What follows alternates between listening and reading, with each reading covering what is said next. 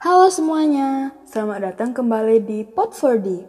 Bagi yang belum tahu apa itu Pod 4D, mari kita simak penjelasan berikut ini. Apa itu Pod 4D?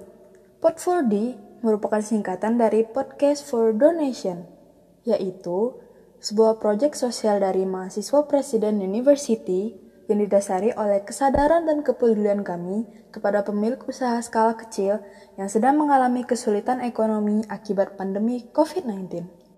Apa saja yang kami lakukan? Program kami berupa memberikan edukasi seputar bisnis dan COVID-19 melalui poster, podcast, dan seminar online. Kami juga melakukan fundraising yang hasil dari donasi akan digunakan untuk bantuan modal pengusaha kecil di daerah Bekasi dan pemberian voucher kelas online untuk menambah skill dari pemilik usaha kecil. Kami juga sedang open donation nih. Kamu bisa berdonasi dengan mengklik link yang ada di bio IG kami di podcast underscore for underscore donation. Aku ulangi lagi ya, at podcast underscore for underscore donation. Kemudian klik donation on Saveria. Oke, sekarang kita lanjut mendengarkan podcastnya ya.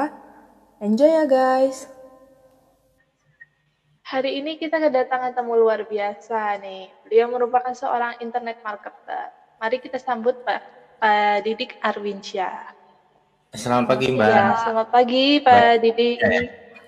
Selamat pagi Mbak. Masih pagi. Jika mendengar kata-kata digital marketing nih, kita langsung kepikiran tentang sosial media, Instagram, YouTube, dan lain-lain tapi asumsi kita nih sebagai orang-orang awam biasanya hanya sebatas itu saja. Jadi untuk membuka diskusi, bisakah Bapak jelaskan apa itu definisi digital marketing dan mencakup ya, baik. apa Terima kasih Mbak Monika Putri itu? dan Mbak so, Mbak siapa satu lagi nih? Ya. Ya. Baik ya, uh, digital marketing intinya adalah ya kita memarketingkan dalam bentuk digital ya, memasarkan baik itu bentuknya produk ya, baik itu bentuknya jasa, ya karena produk itu ada tiga ya jadi kalau adik-adik mahasiswa ataupun itu ya baik itu ibu-ibu siapa pun itu ya ketika dia sudah memiliki HP maka itu adalah barang bukti dia bahwasanya dia telah bisa digitalnya adalah dengan digital marketing. Nah produk ini ada tiga teman-teman sekalian. Produk yang pertama adalah produk fisik. Jadi kita ya uh, jika memiliki produk fisik seperti baju, makanan, nah itu bisa dimarketingkan. Yang kedua adalah produk digital. Contoh produk digital misalnya jualannya uh, software, jualan antivirus, jualan produk-produk digital seperti uh, apa namanya programmer dan lain sebagainya. Nah, itu bisa dijual dalam bentuk marketing juga ya di digital marketing. Yang ketiga adalah produk jasa ya kita bisa memasarkan produk jasa kita ya di digital. Contoh digital itu seperti apa? Kayak laptop, HP, ya pokoknya ber, ber uh, bisa digunakan untuk sesuatu yang lebih cepat dibandingkan yang lain. Nah itulah proses digital marketing saat ini dan ini sudah eranya digital. Jadi sampai ibunya Hatta Halilintar pernah mengatakan seperti ini. Ya suatu ketika pernah Nah, di acara seminar ya nasional, Ibu Atta Halilintar ditanya, Ibu, Ibu tidak takut anak Ibu bermain YouTube setiap hari? Nah, seperti itu.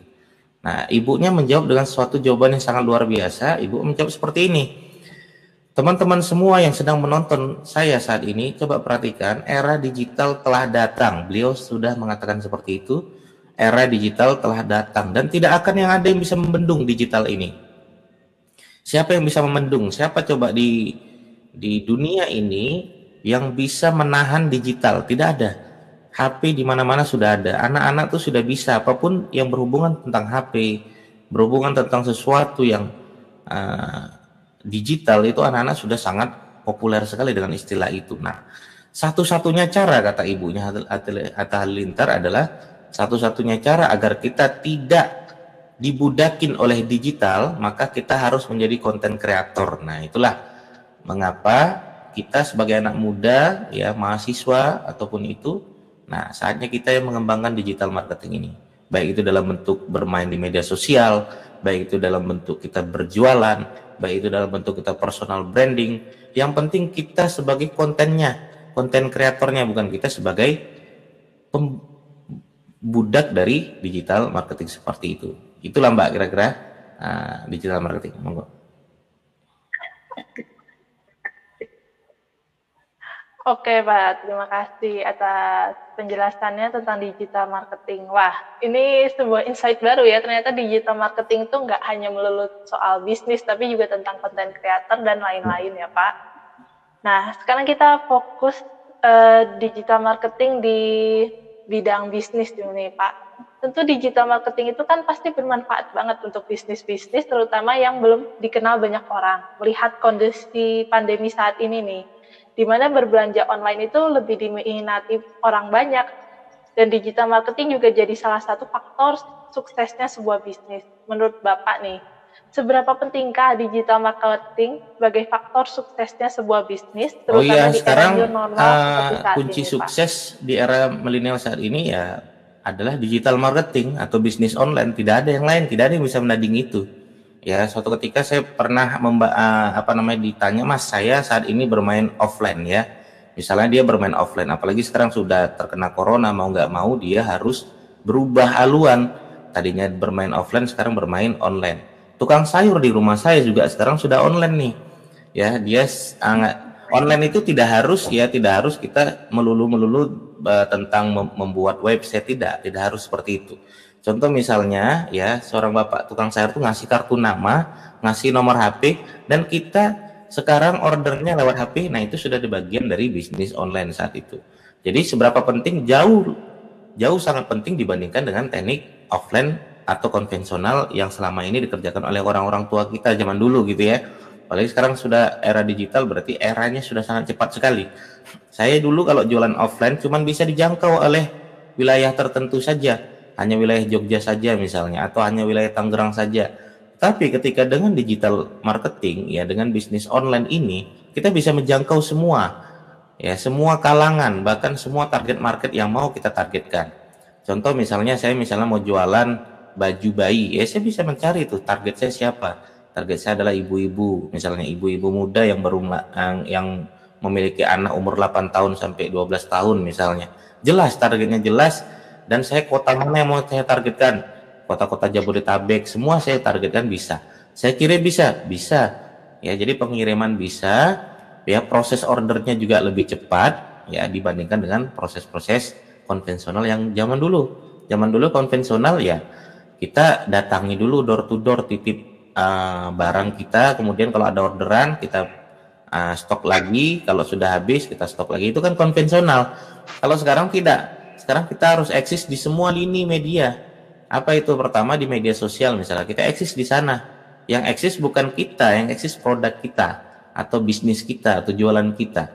Misalnya saya eksis di Facebook ya, saya eksis di Instagram, produk saya eksis di uh, Twitter ya, produk saya eksis di media-media yang lain, Google ya, media yang lain, YouTube dan lain sebagainya. Nah, percepatannya jauh sangat lebih cepat, penghematannya jauh sangat lebih hemat. Kelebihannya jauh sangat lebih-lebih dibandingkan dengan konvensional yang yang zaman dulu kita gunakan kan online atau bisnis online. Digital marketing itu menunjukkan kita bahwasanya kita sangat ketergantungan dengan digital. Coba orang yang baru bangun tidur apa yang pertama kali dia pegang? Pasti HP, betul ya? Orang yang terakhir kali mau tidur pun apa barang yang terakhir kali dia pegang? Rata-rata jawabannya adalah HP. Artinya apa? Orang tidak bisa terlepas dari HP. Orang tidak bisa terlepas dari digital.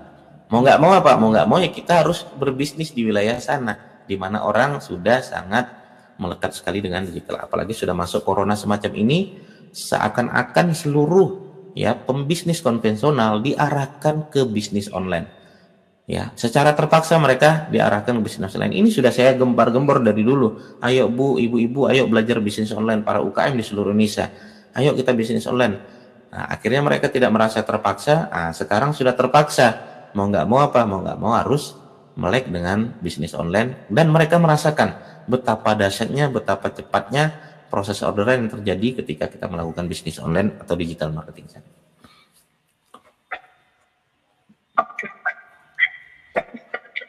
Oke Pak, kan sekarang kita uh, bahas tadi itu udah bahas apa ya perbedaan antara bisnis yang konvensional dengan bisnis yang digital. Nah, sesuai dengan diskusi kita, apakah Bapak punya tips and trick nih untuk melakukan digital marketing di masa new normal? Strategi apa sih kira-kira yang paling ampuh jika disesuaikan dengan kondisi pandemi berhubung karena ini semuanya bisnis tuh semuanya tuh ke arah online nih jadi Ya, terjadi betul, persaingan betul. bisnis yang cukup ketat Baik. ya kayaknya di masa pandemi ini. Ya, strategi Iya, di kira-kira pandemik semacam ini, apa? saran saya pertama, teman-teman mulai cepat berpikir, ya, mulai cepat berpikir peluang pasar. Ya, jangan kelamaan, ya, jangan kelamaan. Kita sekarang fokus di survive, biar supaya kita tetap bertahan, nih, minimal kita bisa ah, membiayain anak kita lagi, bisa menyekolahkan anak kita lagi, bisa minimal ya makan kita aman lah ya. Nah, caranya kita harus berpikir cepat, teman-teman, belajar berpikir cepat ya misal ya contoh ya mulailah riset saat ini bangun tidur kita ngapain? Ya misalnya kita bangun tidur butuh makanan misalnya sarapan ya coba ya kita berbisnis sarapan. Ya sekarang sudah eranya sudah berbeda. Ya kalau dulu properti sangat naik sekali sekarang tidak. Ya sekarang orang lebih fokus di wilayah kesehatan. Ya produk-produk kesehatan produk jamu naik daun. Ya masker naik daun. Ya produk-produk yang kira-kira uang arah ke sana nah kita mulai-mulai ke sana. Nah kita misalnya keluar butuh apa? Saya keluar rumah butuh masker makanya bisa dijadikan sebagai bisnis masker. Ya kemudian ya saya di rumah sehari-hari aktivitasnya ngapain? Saya butuh kesehatan. Nah saya butuh vitamin C. Maka sekarang sudah banyak yang jualan jeruk ya jualan eh, lemon import dan lain sebagainya. Nah itu adalah produk-produk yang bisa dijamin untuk kekuatan vitamin C-nya. Kenapa mereka mulai ke sana? Karena mereka tahu nih peluang new normal ya, apa aktivitas-aktivitas sehari-hari yang bisa kita riset. Nah, itu yang kita kita jadikan sebagai peluang kita. Apalagi ketika saya keluar misalnya. Ya, saya keluar misalnya saya butuh ah, tadi masker ya. Apalagi masker sekarang bingung orang nih kalau pakai masker kalau kosong seperti itu tidak menarik. Akhirnya dibuatlah masker print sesuai dengan wajah masing-masing sudah ada produk uh, masker yang sesuai dengan wajah masing-masing. Nah itu pertama harus istilahnya uh, cepat bertindak ya. Yang kedua, yang kedua adalah carilah produk-produk yang unik ya, produk-produk yang unik itu penting ya. Yang kebiasaan kita produk-produk yang uh, terlalu terbiasa dengan produk yang umum sehingga kita bersaing susah sekali teman-teman ya.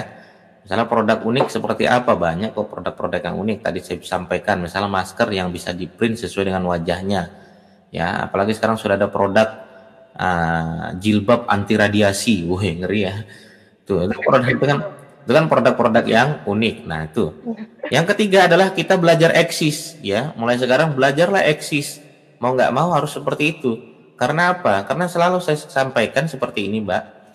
Pemenang digital marketing saat ini siapa Mas Didik? Ada yang nanya seperti itu, saya katakan seperti ini. Pemenang digital marketing saat ini adalah mereka yang berani eksis, mereka yang percaya diri, itulah mereka-mereka yang pemenang digital marketing saat ini. Jadi jangan ada istilah lagi malu mas, jangan ada istilah lagi nggak nggak pede mas, nggak percaya diri mas. Saya nggak ada uh, apa namanya nggak berani ngupload. Nah ini yang repot, ya itu yang yang ketiga ya, yang ketiga.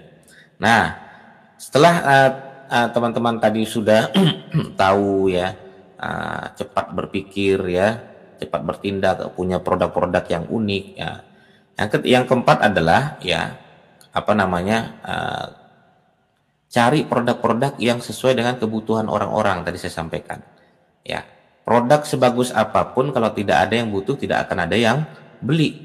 Maka cari produk yang kira-kira menjadi kebutuhan seseorang. Maka rumusnya, ini kalau saya gabungkan rumusnya itu adalah BMT. Ya, rumusnya adalah BMT. Ya, rumus kalau mau di era uh, pandemi seperti ini, gunakan rumus ini. Pertama, produknya harus B. Apa itu butuh? Cari produk yang menjadi kebutuhan oleh orang-orang. Ya, pikirkanlah itu apa sih produk-produk yang menjadi kebutuhan oleh orang-orang. Yang kedua adalah M.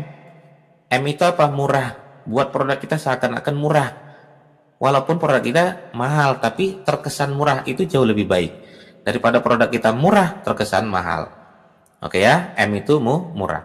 T itu apa? T itu adalah terbatas. Buat produk kita seakan-akan terbatas. Ya jadi kalau mbak misalnya jualannya jualannya sayur bilang besok sayur saya habis jadi beli sekarang. Nah itu adalah bagian dari terbatas. Diskon 50% khusus hari ini saja. Besok sudah kembali normal. Nah itu adalah bagian dari terbatas. Jadi gunakan rumus BMT ini sehingga kita bisa mengikuti perjuangan uh, era pandemik saat ini untuk minimal kita survive dan kita bertahan. Ya, kalaupun ada bonus-bonus untuk bisa dapat penghasilan jauh lebih besar, ya sangat luar biasa. Itu, Mbak, kira-kira, Mbak.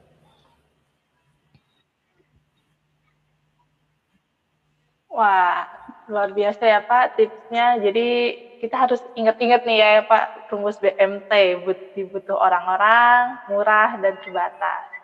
Oke teman-teman, jadi bisa di bisa langsung diikuti nih tips-tips dari Bapak Didi Arwinsyah yang jika mau memulai bisnis online-nya ya. ini ya Pak.